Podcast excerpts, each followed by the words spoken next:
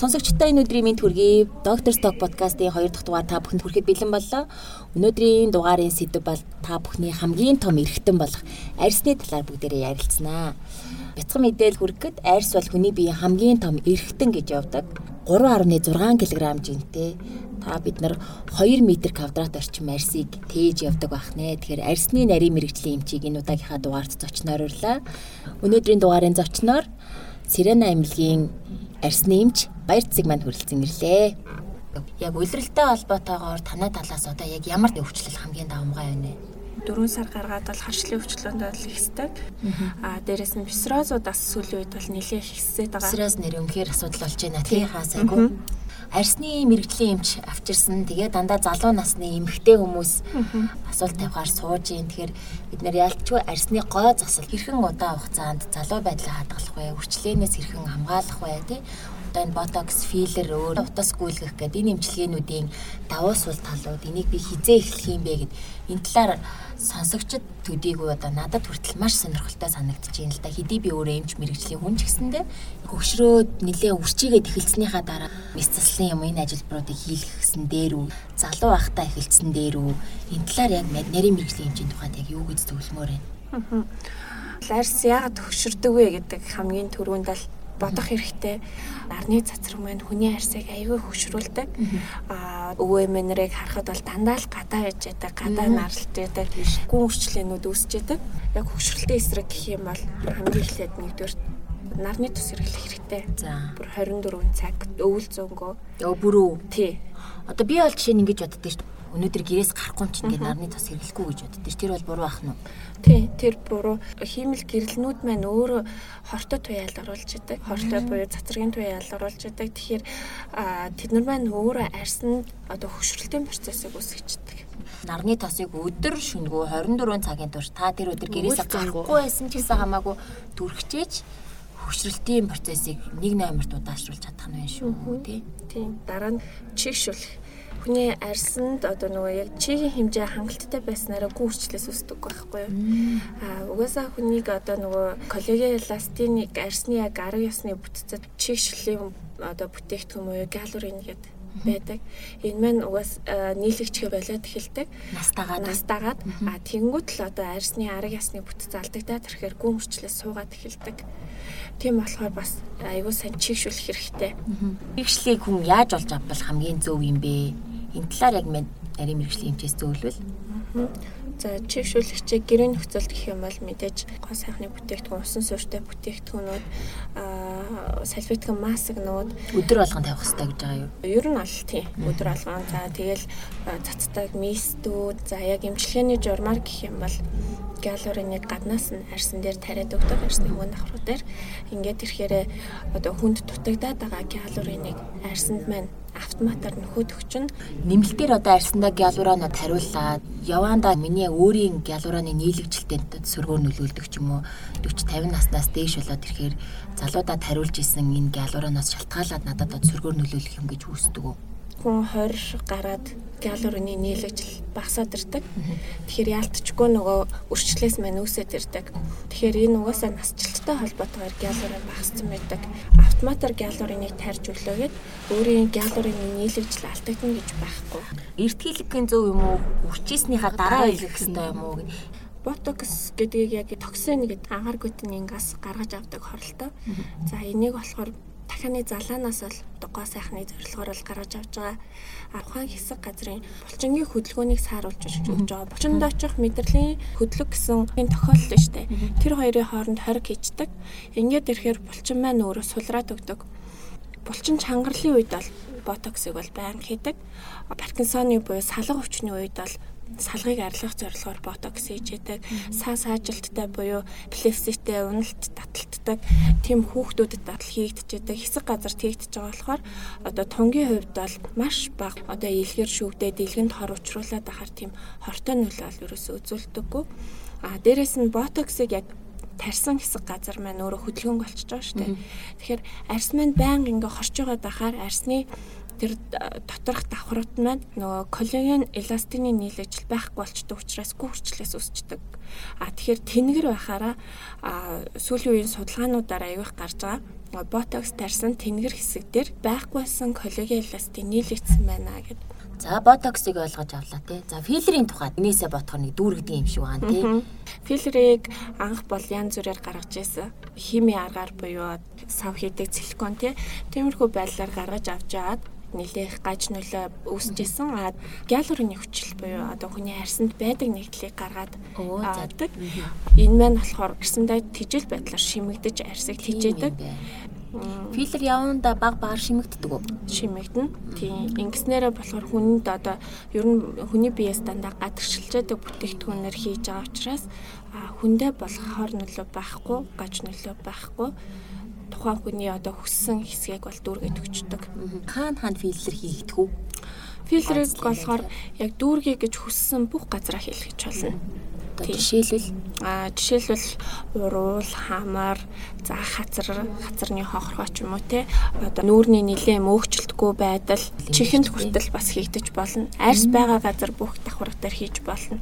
Ер нь бол өөхөн давхаргыг нэмж өгч байгаа те өгзөг гэл би энд бас хийгдэн хөлийн майг засгаар ч юм уу тиймэрхүү байдлаар хийгдэн. За за за. Тэгэхээр энэ ботокс ч бай, филлер ч бай, ер нь танаа гооцлын ажлууд бол бүгдээрээ хатгалтаар тий хүний биед гаднаас ингэж оруулж өгдөг зүйлтэй. Тэгэхээр энэний цаана заавал халдвар хамгааллын асуудал, нэг удаагийн ариун багаж хэрэглээний асуудал яригдах хэрэгтэй. Энэ талаар Монгол ер нь ямархуу байдалтай байдаг вэ? За яг эмнэлгийн орчинд хийгдэж байгаа тохиолдолд бол одоо эмнэлэг маань өөрөө яг ариун нөхцөлтөө тэгээд бүтээгдэхүүнүүд маань ч гэсэндээ ер нь бол хайрцаг савлгаатай хувь хүмүүс те өөртөө олоод ирдэг ч юм уу. Эсвэл бие биендээ хийдэг ч юм уу. Техникийн алдаанаас болж яг нөө фильтрийг мэрэгжлийн хүн буюу яг нөө антон физиолого мэддэг те хайрсныхаа давхаргыг мэддэг судасжилт мэдрэлжүүлэлтээ мэддэг хүмүүс хийхгүй бол техникийн алдаанаас болж харуулт өгч болно. Аа тэгэхээр шууд суц бүглэх юм шүү. Суц бүглэрнэ шүү дээ. Тэр чинь угаасаа эмболи үүснэ. Тэгэхээр тэр хэсгийн цусны урсгал байхгүй болохоор өвчл үүсч болно. Тэгэхээр ихвчлэн нөгөө хамрын эргэн тойрон маань нэлээд суцчлалтай. Тэг нүүр маань өөрөө бас суцчлалт ихтэй штэ. Тэгэхээр ер нь бол хамгийн их техникийн алдаанууд бол хамрын хүчилт ч юм уу тий. За бүр цаашлаад гэхэд тархинд харуулт өгөх, нүдний ухархад харуулт өгөх ч юм уу тий. Тиймэрхүү техникийн алдаанууд аюу их байдаг учраас яг л мэрэгжлийн хүн антон физиологи мэддэг одоо судалтай мэддэг тиймэрхүү хүмүүс л хийхгүй бол одоо ингээл хатгаад өө эн чи амархан юм биш гэдэг хүмүүс зөндөө байдаг л да. Хүүх энэ дээрстэй бүр хүмүүс анхааруулж хэлмээр юм байна тий. Нэг гой олох гэж жагаад хамраа юм шонтгор олох гэж жагаад уруулаа юм бол бомбор уруултаа олох гэж жагаад тий. Хамрагны хэсэг өгчээд нүдний ухархаанд өвчлөлт үүсээ цус харавчвал энэ ч одоо бүр гой сайхан олж авах нь битэл бүр хүний өөрийн бүр эрүүл мэндийн амь насны асуудал яригдах нь байна шүү дээ тий нарийн мэрэгжлийн яг арсны эмчит хандах ёстой юм байна шүү гэдгийг та бүхэн маш сайн ойлгоорой. Би бас яг над яриан дээрээс бодож ийл л да солонгосоос жишээ нь тий. Загсан тариа гялуураны хүчил ингээл баг хүмүүс шууд чимдамдаа игээл аваад ирдэг. Тэгэл хин хамаагүй тарчдаг. Иймэрхүү юм бол чихний хажуугаар зөндөө сонсогдчихсэн. Тэгэхээр энээс болж бол ийм аюул үүсч болох нь байна шүү дээ тий. Тэгэхээр яг энэ асуулттай холбоотойгоор яг гоо застлын эмчилгээг яг хэн үзүүлэх хэрэгтэй байдгийм бэ? Энэ талаар хэдүүлээ ярил л да тийм ээ. Тий. Манай Монголын салбар маань болохоор энэ талаар яг нэг юм цэгцтэй болоог байгаа. Одоо яг нэг хөгжиж байгаа учраас дэлхийдээ бол арьс гоцлын эмч нар буюу арьсны эмч нар хийгдэх дерматологчд хийгдэх хэрэгтэй байдаг. А манай Монголын хувьд ер нь бол эрүүн нүрийн эмч нар, тэгээ мэдцлийн эмч нар, дээрээс нөхөн сэргээхийн эмч нар, нүдний эмч нар бид нар хийх ёстой гэд ингээд бүгд ингээд хийгддэг. А тэгтээ бол манай яг Монгол улсын яг стандартад арьс гооцлын эмнэлэгт арьсны эмч хийх ёстой гэсэн тийм хууль дүрмтэй байдаг. Тэгэхээр ангаахыг 6 жил төгсөө дахиад арьсны чиглэлээр 2 жил резиденттэй хийсэн ийм эмч таны нүүрлөө хатгах эрхтэй байдгийн байх шүү. Одоо ингээд гооцлын эмнэлэг Эсвэл гоо сайхны газар гэдэг хоёрын ялгааг баг хүмүүс мэдэхгүй байгаа байхгүй. Массажны газар. Магадгүй хатгалт хийгээд байгаа. Нөгөө Монголд эрсдлүүд их гараад эхэлсэн болохоор яг энэ талаар мэрэгжлийн хяналтууд ажиллаж байгаа. А тэгтээ бол яг ингээд имлэг ажиллуулж байгаа биднэрт бол хяналт шалгалтууд бол баг айгүй дээд зэргийн буюу нэлээд бас байнгын хяналт шалгалттай байж байдаг. А яг салонуудыг хяналтын байгууллага гэдэг юм бол бас ховор юм шиг байгаа. А энгийн хүмүүс маань тий алтар хамгаалал гэдэг юм бол мэддэггүй. Энэ зүг уутнаас нь задлсан ч гэсэндээ хүн татгаагүй л бол энэ ариун гэж боддог бол тэр чинь агаартай уралд ороод бохирдсон байж байдаг. А тэгэхээр одоо тэр зүгээр ингээ хатгалт хийх ч юм одоо батг шахахад хүртэл те ингээ задлцсан зүүнүүд байж байгаа байхгүй. Яг та нар ингээл гоо сайхны газар ороод ингээд яах юм бол шин зүү задлах тохиолдол бас хайрцангуй ховор чимэр мухай. Аха тийм тийм байдаг болохоор бас таагүй ингээл байж байгаа бол энэ хүнд хэрэглээгүй юм чинь. Тэгээ цэвэр надад хэрэглэхэд би халдвар авахгүй гэж боддог бол тэр бол үгүй. Яг нүдэн дээрээ гаднах уутнаас нь задлуулж ийж хэрэглүүлэх нь байна. Өөр одоо танаа талаас үйлчлэгээ үзүүлэхэд шивээс хийхэд за мэд одоо л харьцангуй гайгүй нэг удаагийн зүйтэй. Тэгээ бас нэг юм нэг юм савн дотор будгаа хийдэг тий. Тэрийг хүн болгон дээр ингээд нэг удаагийнхыг задлж хэрглэж гин үү? Энүүгээр халдвар дамжих магадлал хэр байдаг юм бол шивээсэн дээр бас л хүний арьсанд хүрэлцэж байгаа штэ. Тийм учраас шивээсний зүг бас нэг удаагийнх байх шаардах хэрэгтэй. Будгаа хийж байгаа бүгжмээ нас нэг удаагийнх байх шаардлагатай. Яагаад гэвэл тэрийг цэвэрлэлээгээд бохирдсон зүүмэн тэндээсээ будгаа авч яадаг учраас л тэр доторх будгийг бол дахин ашиглаж болохгүй. А будаг үлдчихлээ гэд буцаагаас савлууга хийж болохгүй. Тийм арсны нарийн мэрэгжлийн эмч буюу дерматологист гэж ботокс хийдэг, тэгээ филлер хийдэг. Одоо жишээ нь утасны талаар би илүү мэдээлэл авмаар байна. Өөр одоо арс татах эмчилгээнүүд байдаг тий. Бас PRP MTS гэдэг эмчилгээ л бас. PRP гэдэг маань өөрөө нөгөө нэг хүний өөрийн дархлааны эсийг шүүж авч байгаа гэж ойлгож байна. Тэгээ шарах үсэнгүүд тэнд дархлааны эсүүд маань нүүдэлж очиж шарахыг эдгээдэг. Хүн өөрөө тийм нөхөн төлжүүлэх тийм гайхалтай хүн байхгүй. Тэр энийг хаач тарьсан байж болно. Шархан дээр ч тарьж болно. Арьсан дээр тарих юм бол бас арьсан дээр нөгөө нэг дархлааны эсүүд маань нүүдлэж ирнэ. Нүүрхэн дархлааны эсүүдийг нүүрлүү нүүлгээд өгч байгаа гэсэн үг байхгүй. Тэгэл тэр хэсгийг газрыг эмчилж өгнө. Эмчилж өгж гинэ гэдэг маань одоо нөгөө коллаген эластин холбогч идүүдийг үүсгээд өгнө. Тэгээд тэрхээр арсны өнгийг сэргэн чангалж өгнө. Өтрөнд ч хийж болно, буйланд ч хийж болно, өөр юунд ч хийж болох, нөхөн төлжүүлэх, үеинд ч бас хийдэг байхгүй нөгөө үе мөчний өвчин, ясны ургалт ч юм уу тэр үнд ч хийж болно. Одоо би сорвны талаар асуумаар байна л да. Аа за бүр удцсан нэлээд том хэмжээтэй ийм сорвин дээр авах арга хэмжээ сүүлийн эмчилгээнүүд юу байд юм бол ер нь шинээр шарах сорив үүсэх үед бид нэр яаж одоо гоо сайхан талтахааргүйгээр тэгээ сорвгүйгээр идгээхэд ямар дэглэм барих шаардлагатай байд юм бол? За нэгэн тал арсанд гэмтэл үүссэн бол арсныхаа гүн давхраг хүртлэх гэмтэл үүссэн бол сорив үүснэ. А үүсэх сорвыг нүдэнд харагдах уу харагдахгүй юу гэдгийг бодолцох хэрэгтэй. Дөнгөж үүсэж байгаа сорвыг бага хэмжээний сорвтой байлгыг гэвэл ариун орчин байх хэвээр. Тэр аюул сан цэвэрлэх хэрэгтэй. Аа тэгээд шархны цэгцлэгээнүүд аюул сан хийгдэх хэрэгтэй яхад идгэхтэй бол нүдэнд харагдахгүй сарай үсч болно. За шархны цэгцэлгээ гэхээр бид нар одоо эмч хүмүүс ингээд сайн мэдж байгаа. Тэгэхээр тэрийг хідүүлэх хүмүүст бүр ойлгомжтой байдлаар яг юу хэлээд байгаа гэдгийг тодруулбал илүү дээр ах. За бүр жижигхэн гэх юм бол батганы сариулна дээ тий. Батга маань өөрөө арсны бүр гүн давхаргаасаа идээлээд арсныхаа гүн давхрыг гимтээчдэг. Тэгэхээр тэр ялцчгүй сариу үүснэ. Тэр сариуг мэдээж идээтэй учраас бохор сариу үүсэж байгаа. Тэгэхээр тэрийг цэвэр шарах болгохын тулд аюусаа ариутгах хэрэгтэй. Антибиотиктэй тоснууд төрхөж болно. Бүрцлийн ч юм уу, темадын ч юм уу тэрүүгээр ариутгаж болно. Тийм байдлаар ариун байлгах юм бол сорив баг үүснэ. Одоо нэгэнт үүсцэн, удцсан сорвин дээр тарьдаг юм уу? Эсвэл одоо ямар имчилгээнүүд байна? За нэгэнт үүсцэн сорвиг бол дахиж одоо гимтэл учруулах байдлаар бүдгөрүүлнэ гэсэн үг л дээ.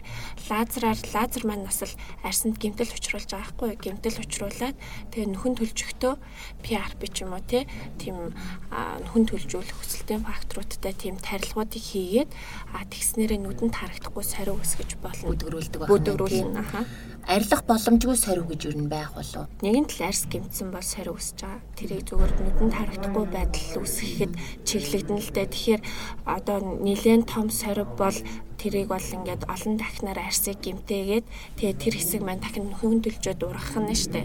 Нөхөн төлжөж ургахтаа одоо бүтгэн байх нь тэр байдлаар л олон дахин орно гэсэн үг л дээ. За танай салбарын үйлчлүүлэгч донд эрэгтэй хүйс хэр их эзэлдэг вэ? Ирчүүд ерөнхийдөө дийлэнхтэй ямар асуудлуудтай явдаг вэ? Яг эрэгтэй хүмүүс маань өөрөө тосны булчирхай ихтэй. Тийм учраас илүү юм нөгөө нэг арьс маань хатуу тий хүчлээдэг нь баг ч юм уу тийм байдаг. А тэгвэл ирчүүдийн хувьд бол ихвчлэн дандаа ботокс хийлэгдэг. Мэдээж дуух нүдний цэцрэг хөвчлээндээ бол ботокс хийлэгдэг. Нөгөө тослогжилт ихтэй учраас тэр тослогжилтын бууруулах чийгшүүлэгч тарилгуудыг бас их хийлэгдэг арчилгаа ер нь айгүй бага байдаг л да. Ирчүүдтэй бол дандаа чигшүүлэгч тарилга санал болгодог. Энэ маань болохоор нэгдүгээр тас гадаад орчноос хамгаалаад өгч нь арсны эмзэгшлийг бууруулад өгч нь таслагчлалтын пластик тэнцвэржүүлээд өгч бас хөлрөлттэй холбоотойгоор сугны ботоксууд бол аюул их хийгддэг. За тэр одоо яа. За ботокс маань аюул олон ид шидтэй хөлрөлтийг бас зогсоож өгдөг. Аа хөлсний булчирхаад очих бас мэдрэлийн ширхэг дээр хориг үсгчдэг. Тэгэнгүүт ялгаралт багс. Тийм хөл ялгарч хөлөрөхгүй л байх хөлөрөхгүй л байх юм бол одоо нөгөө энэ суганд маань өөрөө одоо үнэр ялгаруулагч булчин булчирхаадаг зөвхөн суугч гэлтгүү умдаг одоо бэлгийн хэсэг дээр хөлрөлтийн булчирхаанууд байдаг.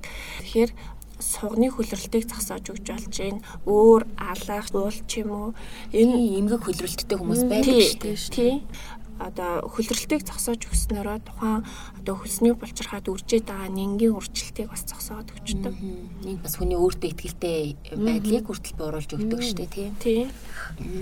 За батганы талаар нэлээд сайн ярилцъя гэж бодлоо. Тэр тусмаа шилжилтийн насны хүмүүс батганаас болж одоо ингээл янз бүрийн бүтээгдэхүүнийг туршаад алдаа доноод байгаа хүмүүст яг арсны мэрэгжлийн эмчийн зүгээс тийм батг ерөөхдөө бол хүний тосны булчирхайтай холбоотой л батгшилтын тосны булчирхай ихтэй зоон маань болохоор нүүр, чээж, ар нуруу хэсэг байдаг. Тэгэхээр энэ тосны булчирхай их төвчлийн онцлогтойгоос хамаарат хүн угаасаа шилжилтийн насан дээр докторгүйгээр ихсээд эхэлдэг. Нингийн гаралтайгаар өрөвсөл үсээд эхэлдэг. Урьдчилан сэргийлэх боломжтой юу? а өрсөн сэргийлж болно. А тэр нь болохоор одоо тэр андроген даавар ихсэлт байдаг байхгүй юу. Тэгэхээр андроген дааврыг дарангуулах эмчилгээнүүд хийлгэж болно. Одоо тосны булчирхайг дарангуулах тарилгууд байгаа. Бас л нөгөө ботокс маань. Ботокс маань нөгөө тосны булчирхайг идэвхжүүлэх мэдрэлтээр болог гэждэг. Тэгээд ирэхээр бас тослогчлтыг бас бууруулж өгч болно. Аа бас дотоод хүчин зүйл байгаа л да буруу найрсалт маань дотоод шүрлийн булчирхай үйл ажиллагааг эвдээд өгдөг. Тэгэхээр батга ихсэх бас нэг гол нөхцөл болоод өгчдөг. Татгшилт маань өөрөө эхлэх үе, өрнөх үе, төгсгөлийн үе гэдэг те яг нэг хатагтай адилхан.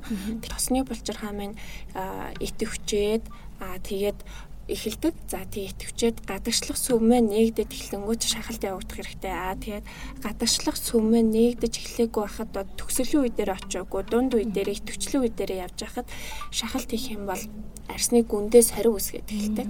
Тэгэхээр гадагшлах явцад нь наашаа гарч ирж байгаа батгнуудыг бол хөнгөн нанаас нь татаад авчвал зүгээр. Тэгснээс бүр ингээд нэг гарахгүй батгнуудыг чи хүмүүс бүр ноцолтоол те бүр ингээд бүр ухаад нэг сорвжуулсан байдаг шүү дээ. Нөгөөх нь гараачгүй тэгсэн мөртлөө гадна амир их сорвтой болсон байдаг. Бас нэг тохиолдлыг ярил л да. Миний нүнд аягүй батг гараад байна. Одоо яаж имжлэгээ та нар ингээд туршлагаасаа хуваалцаач гэсэн. Гэтэ энэ эвгүй зураг шүү гэдэг өөрийнхөө зургийг хийцэн. Тэгсэн чи доор нь ингээ бичсэн байна л да. Чи наадханда хими сангаас ороод синафлан гэдэг тосыг аваад 3 хоног түрхэж. Тэгэл та нам болно, юу ч болно гэл. Тэгэл яг тэрнийхэн доор reply гээл хүүхдүүд бичсэн. Өөстө тийм байсан, тийм байсан. Гэтэл яг тэр нь өөрөө зөв юм уу? Тэ. За синафлан гэдэг маань өөрөө нөгөө. Тийм, дааврын юм л те. Дааврын юм маань өөрөө яадаг вэ гэхээр тухайн хэсэг газрын хөрвслийг намдааж өгдөг. Аа тэгээд тухайн хэсэг газрын дархлааг бууруулад өгнө дааврын юм маань өөрөө даавар хамааралтайгаар үүсчдэг. Тэгэхээр ялангуяа нүүрний арьсан дээр дааврын тоснуудыг одоо тосыг удаан хугацаагаар түрхээд эхлэнгүүт нөгөө тосоо нэхэд эхэлдэг. Нөгөө тосоо түрхэхгүй бол харшлын тууралтууд маань ихсээд эхэлдэг. За тэгээд дээрэс нь харшлын тууралтууд ихсгээс гадна суцжилт өргөсөд эхэлдэг. Тэгэхээр улаан суцтай болно. За дааврын юмны бас гаж нөлөө гэх юм бол өсжилт үсэт эхэлнэ. Аа тэгээд дээрэс нь нөхжилт үүснэ А бүр цаашлаад гэх юм бол дааврын одоо дааврын тосны хамааралтайгаар батгшилт үсээд эхэлдэг. Энэ маань болохоор маш одоо юм идээллэг, улаан, өрөвсөл ихтэй а тийм батгшилт үсээд эхэлдэг. А тэгэхээр нөгөө даавар хамааралтайгаа учраас нөгөө даавар хамааралтайгаас гарахын тулд бол гормоных нь гормонтой тосоо бол эхлээд одоо процентыг нь бууруулж агаад а тэгж байгаа дараа нь антибиотикоор эмчлэх байдлаар ингэж удаан хугацаагаар баг эмчилдэг. Одоо юу бэрчгэр тууралттай юм болцсон байдаг. Тэгэхээр яг дааврын тосногийн хэрэглээ Монголд бол маш их штэ тий.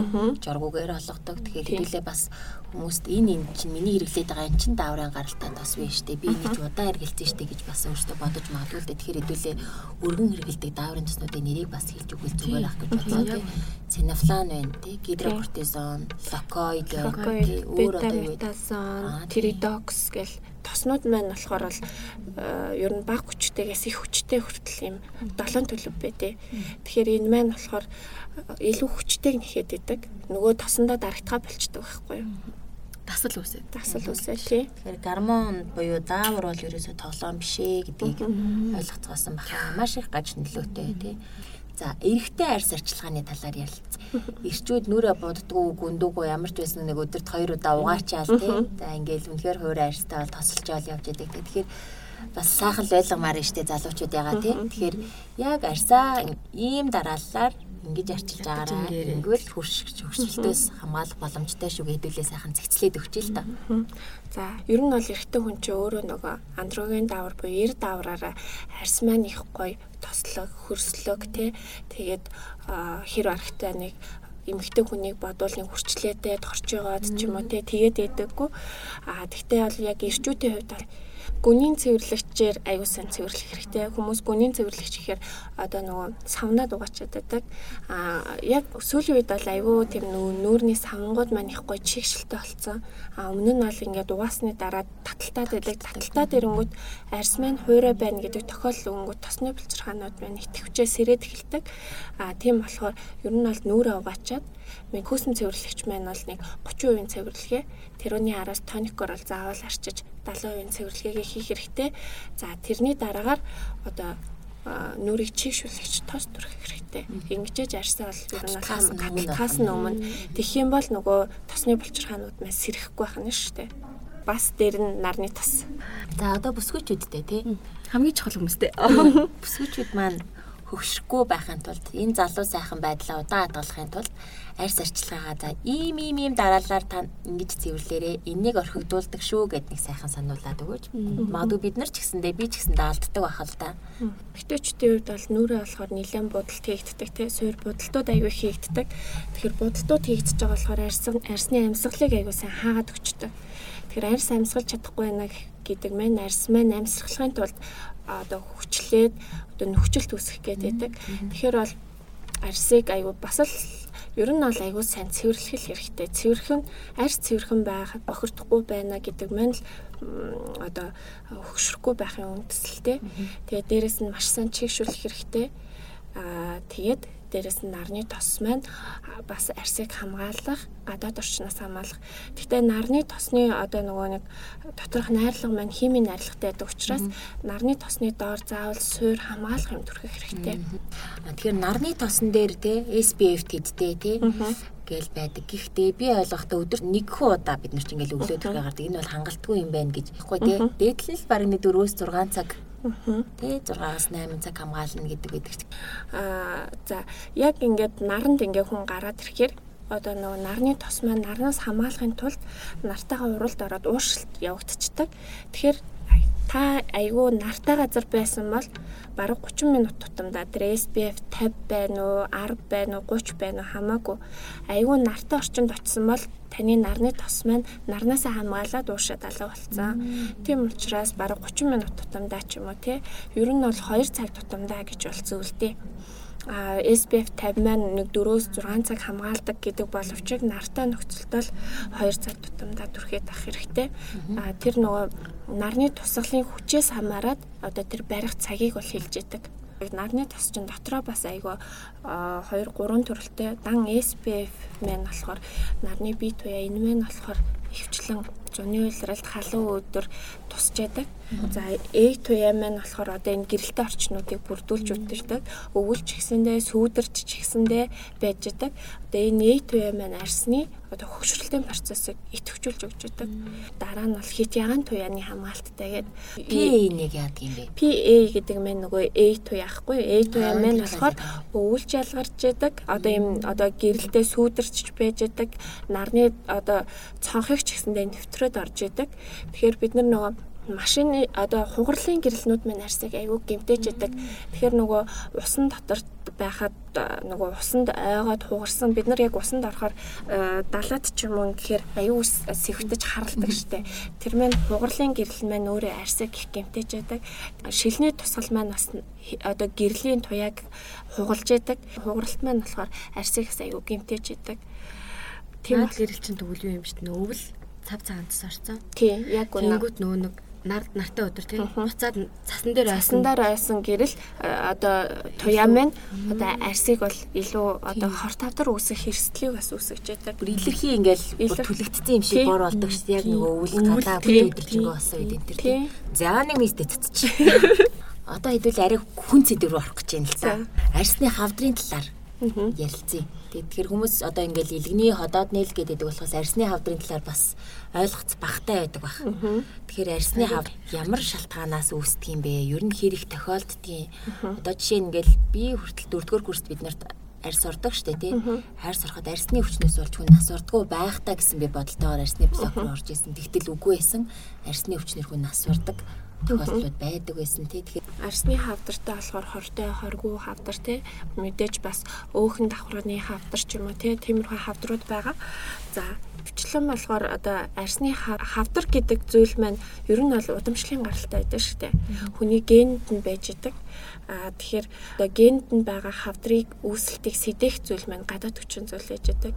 Тэгэхээр хавдрыг сэдэж байгаа гадаад хүчин зүйл маань яалтчгүй бас хүний одоо амьдралын хэм маяг те гадаад орчинтай харьцаж байгаа байдал за хамгийн одоо арсны хавдрыг үүсгэж байгаа зүйл маань болохоор нарны туяа жоохондоо судалгаагаар гэх юм бол нэг удаа наранд түлэгдсэн тохиолдолд хавд арсны хавдар үүсэх магадлалыг ихсгэж өгч өгдөгөө гэдэг.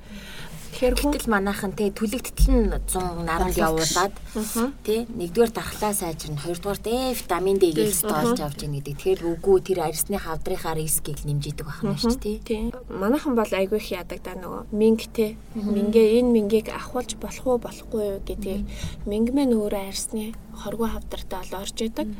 А одоо тэр хоргоо хавдар маань хортой болох итгэвч зүйл маань мэдээж хүний дотоод хүчин зүйл дархлаа. Тэгээ дээрэс нь тэр мингийг оролдох тий. Минг маань өөрөө судасчлалтын бөөгнөрл байж байдаг тий. Энүүнээс болоод минг маань өөрөө томрох шархлах, шархалсан ч идэхгүй байх гэдэг маань арсны хортой авдрал руу шилжиж байгаа юм шинж байдаг. Минг ер нь юунаас болоод үүсээд идэв юм бэ? Одоо зүгээр ингээл хүүхдээ харж байхад л тий жоохондоо бүр ширхэгч мингэхгүй байж байгаа л 4 5 настайгаас эхсүүлэл жижигхэн жижигхэн бор минг гарч ирдэг. Би бол тэрийг өөрөө хүүхдээ нарнаас одоо сайн хамгаалж чадахгүй байна. Хүүхдээ арс гимтээд ийм зүйл үүсээд ийн гэж одоо боддог. За минг болохоор ер нь бол бас л ээж автайгаа адилхан царайтай төлөвдөг шигэ бас л удамшлын гаралтай байхгүй удамшлаараа цоохорч хөөхтүүд байдаг шүү дээ удамшлын тий мэдээж удамшлын шалтгаантай а дээрэс нь гэх юм бол бас дотоод шүрлийн хамааралтайгаар дотоод шүрлийн зохицуулгагүй байдлаас болоод мингнүүд мань олширч болно Тэгээ арсан дээр очиж байгаа судасны бөөгнөрөл ер нь бол минг болоод үлддэг л те. Тийм. За мингтэй адилхан бас нэг асуудал чинь минг болон ургацэг гэж ярьдаг хүмүүс ургацэг. Тийм. Ургацэг үү ургацэг гэл манайх айгүй ярьдэн штэ. Үү маань болохоор вирусын гаралтайгаар халдвартай өвчин. А ургацэг гэдэг маань болохоор хүний дотоод шүрлийн булчирхаанаас болдог Танаа л би дотоод ширлийн булчирхаал гэж яриад байна тий. За энэ маань болохоор их хөлөрдөг, их нэмгэн арьстай, үүрэлт ихтэй, ялангуяа хүүзүү, суух, цайв, за тарган хүмүүс гэх юм бол хөх одоо нөгөө их үүрэлттэй газруудаар энэ ургацаг маань өөрөө арьс маань ургаад эхэлдэг. Аа тэгээд ургацаг маань өөрөө юм хөл одоо арснаасаа хөлтэй байдаг тий. Энүүгээр нь улаан утас уяад хүмүүс тасалчдаг тий. Энэ энэ ургацаг зүгээр ямар нэгэн эмгэх авдар үсгэх юм уу тий тийм эрсдэл байхгүй байжсэн ч болно гоо үзэмжнийхээ хувьд онцгүй харагдвал ахвалчиж болно. Магадгүй зарим одоо хүзүүний хувьд байгаа хүмүүс их зүйлтэнд нь татагдаад ч юм уу өвдөд энийг яаж зохицуулах уу гэж ярьдаг. Тэгэхээр хэрвээ тийм ургацаг байгаа бол ямар ямар эмчилгээний сонголтууд байгаа вэ? Ургацгийг бол ер нь бол авах одоо ахуулна гэсэн үг. Мессеж авсан болно, лазераар түлээд авсан ч болно. А үүний тухайд үү маань болохоор одоо папиллома вирус ялангуяа бохир орчноос шороо тоосноос халддаг. Арс маань өөрөө хамгаалах хэрэгтэн аа тэгээд гэмтэл үүссэн тохиолдолд нөгөө вирус маань арсанд тухайн хэсэг газарт маань өвөө ургадаг. За тухайн хүний дархлаа сайтай ах юм бол өвөө маань ургадаггүй. За дархлаа буурсан тохиолдолд бол өвөө ургадаг. Өвөг бас мэдцлийн аргаар авчих юм тий. Өвөө халдварлах боломжтой юу? Нэгэнт вирусын халдвараар үүсгэгдсэн учраас гэмцэн арьс салтанд хүрэлцэхэд үү маань халдна. Үүний маань одоо яг үү гарсан хэсгийн орой хэсэг маань халдвартай байдаг. Тэрийг үүг лазераар түлж явах үед лазерны утаа маань өөр халдвартай байдаг. Тэгэхээр бол эмч бас тухайн халдвараас хамгаалахын тулд маск, шил зүүх хэрэгтэй. Би кавар ядаргаатай холбоотой ч юм уу эсвэл одоо энэ хаврын хувир ажилттай холбоотой холбоотой псориаз гэж өвчин үүсээд шүү дээ тий. Айгүй хилбэг болчиход байна. Энэ талаар бас урьдчилан сэргийлэх боломжтой юу? Тэр хашлын эсрэг тариулаад байгаа нэг тариа гэж яриад байна тий. Тэр тариа үнэхээр яг үр дүнтэй байдгүй. За псориаз маань өөрөө харшлын өвчин биш маа. Энэ маань болохоор бас л удамжлын гаралтайгаар үүсэж идэг арсны эмгэг юм. Тэгэхээр таны удамд чинь хэн нэг нь псориазтай байсан бол псориаз үүснэ гэсэн үг. Харшлын нь ерөөсөө юу юм гадны нөлөөл юм уу? Харшил бас одоо дархлаатай холбоотой хит мэдрэгшил буюу таны дархлаа чинь зүгээр нэг тоос ороход ч юм уу те тэр тоосонд хит мэдэргээр буюу тэрийг гадны биетгээд устгах гад дайрж байгаа тохиолдлыг л тэрийг харшил гэдэг байгаа. Тэгэхээр хүний дархлаа буураад байгаа юм биш. Дархлаа маш өндөр болоод өндөр мэдрэг болоод байгаа учраас одоо харшил үсээд байгаа л та. Тэгэхээр харшлын тариа гэдэг одоо тэгээд байгаа тэр маань бас гормоны тариа. Тийм билээ тийм. Гормоны тариа. Тэгээд яг хувь хүмүүс дур мэдэн те нэг удаагийн харшлын тарилга гэдэг байдлаар хийдэг. За энэ тарилга маань болохоор 30 гаруй өвчний суур үндэс болоод өгчдөг. Ясны сэргийлтээс ахуулаад нүдний болор цайх хөгшрөлтөнд нурууны суулт үүсэх ч юм уу тий суудлын мэдрэл дарагдах иймэрхүү байдлаар хүндэрч болно. Тийм болохоор мөн бас дээрэс нь өргүүдэл үүсгэх өсөлтийн насан дээр тарьчих юм бол өсөлтийг хоцроох ч юм уу тий. Тиймэрхүү байдлаар бол дархлааг бүр тэр чигтэнд дарангуулад өгчдөг. Харшил маань өөрөө дархлаа хит идэвхтэй болоод байгаа учраас тэр дархлааг дарангуулах гормон тарилга. Хөнгөн хувьд ч гэсэндээ маш өндөр тунтай байдаг. Харшлын эмчнэр бид нар бол энэ тариа болохгүй маа гэдэг заалтаар бол байнга хэлдэг таны харшил үүсэж байгаа л тухайн үед одоо харшлын эсрэг эмнүүдийг хэрэглэхийг зөвлөдөг болохоос ш яг урьдчилан сэргийлээд гормон тарснараа 30 гаруй одоо өвчний үндэс болно. Энд чинь л ерөөсөө манайхны нэг юм хандлага байгаа даа юм л да ерөөсөө. 10 хэд хоног сар хамар битүүрэл нусгойжол ингээ явж байгаа оронд нэг тариа хийлэгч ёстой баг жил нэг жилдлээ даачдаг гэдэг. Богино хугацааны үр дүн хүсэж те ийм имчилгээ бол цаанаа заавал мэдээж тийм үрлэгрийн эд шидэм юм байхгүй шүү дээ. Тэгэхээр заавал бодолцох хэрэгтэй. Мэргэжлийн эмчт нь хандж энэ асуудлаа шийдэх хэрэгтэй шүү гэж бас зөвлөе те хэдүүлээ. Тий. За зочин маань өөрийнхөө ажлын талаар те эмнэлгийнхаа талаар илүү дэлгэрэнгүй мэдээлэл өгөөч. Манай эмнэлэг маань хөвчлэн гооцлын чиглэлээр үйл ажиллагаа явуулдаг. За мөн нөхөн сэргээх буюу Phoenix аппарат, арсны уншилгын эмчилгээ, харшлын уншилгын эмчилгээ, за мөн дээрэс нь бэлгийн замын уншилгын эмчилгээ хийгддэг эмнэлэг байгаа. Бүр нэлээд цогц үйлчлэгээ явуулдаг эмнэлэг байна тий. Тэгэхээр Phoenix аппаратаар үйлчлэгээ, эмчилгээ үзүүлдэг гэхээр би энэ аппаратын талаар бас мэдэхгүй байна л да. Тэгэхээр ямар одоо зорилготой ямар эмчилгээ хийгддэг аппарат юм бол энэ талаар ярьж байна. За, Phoenix аппаратны гол үйлчлэг нь гэх юм бол физик хит ягаан туяагаар тухайн булчинд үйлчилснээрээ булчингийн одоо сэргэлт болон булчингийн үйл ажиллагааг сайжруулж өгдөг тийм аппарат байгаа. Эмчлэн одоо Phoenix аппаратаар ямар ямар эмчилгээг хүргэх боломжтой вэ? Үтрэнд болон одоо эрчүүдэд болохоор төрөө булчирхаад нөлөөлж хийгдэж байгаа.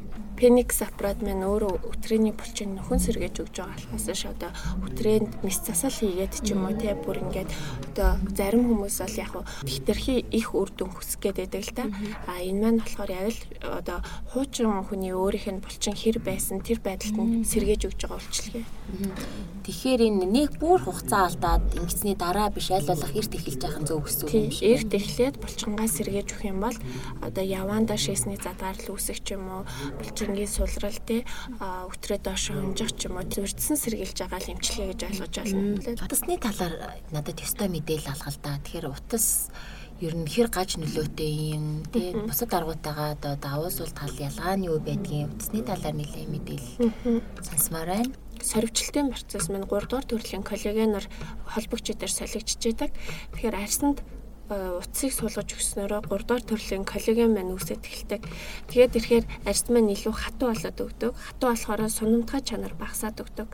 Хүний арьс маань байнгын сунах хэрэгтэй учраас маш том хэмжээний сунах боломжтой байдаг. Тэгэхээр энэ сунах процессыг дарангуулад өчгөр арсны үнжилтийг багасгаад өгчдөг. Ерөнхийдөө ингээ хатуураад саривждаг гэсэн үг үү? Тий, арсны дотор саривжин дэлтүүлсэн. А мэдээж яг нөгөө хийсэн замаараа маш нарийн саривжилт үүсгэж байдаг.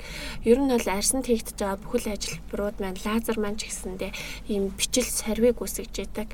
Одоо сүүлийн үед алтер аппарат гэж ярьдаг шүү дээ. Тэр маань ч гэсэндээ арсны гүнд бичил саривжилтыг үүсгэснээрээ арсны сунмтгай чанар чанарыг багасгаад арьсыг чангалж өгч байгаа гэсэн.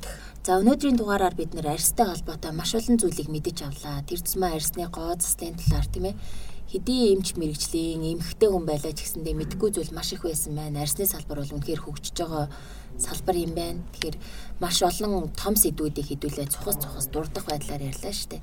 Тэгэхээр сонсогчдод хэрвээ бидний ярьсан зүйлтэй холбоотойгоор илүү их асуултууд гарах юм бол комментоор бичээрэй.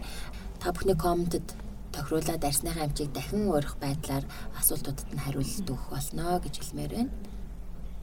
За энэ дугаартаа намайг урьж оролцуулсан тайдтай маш их баярлалаа.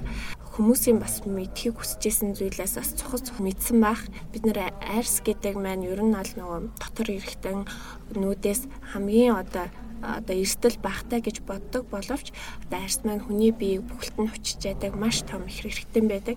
Тэгэхээр энэ одоо эргэтэнд маань маш олон асуудлууд байдаг. Тэгэхээр энэ асуудлуудыг бүр сайн дэлгэрүүлэх гэх юм бол бас надтай эргээд холбогдож болно. Hey, love,